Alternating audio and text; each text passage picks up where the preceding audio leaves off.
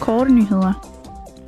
I anledning af den internationale mindedag for Holocaust vil Israels præsident Isaac Herzog i morgen tale til Europaparlamentet under plenarmødet. Parlamentsformand Roberta Metsola åbner det højtidelige møde i Bruxelles med en indledende tale.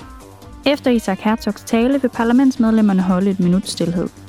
Den internationale mindedag for ofrene for Holocaust den 27. januar blev etableret af FN i 2005 for at mindes Holocaust og befrielsen af koncentrationslejren Auschwitz-Birkenau.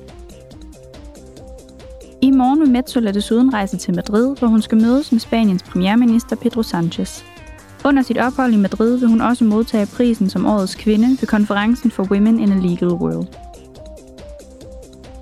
I går udvekslede parlamentets økonomi- og valutaudvalg synspunkter med kommissær med ansvar for finansiel stabilitet og finansielle ydelser, Marit McGuinness.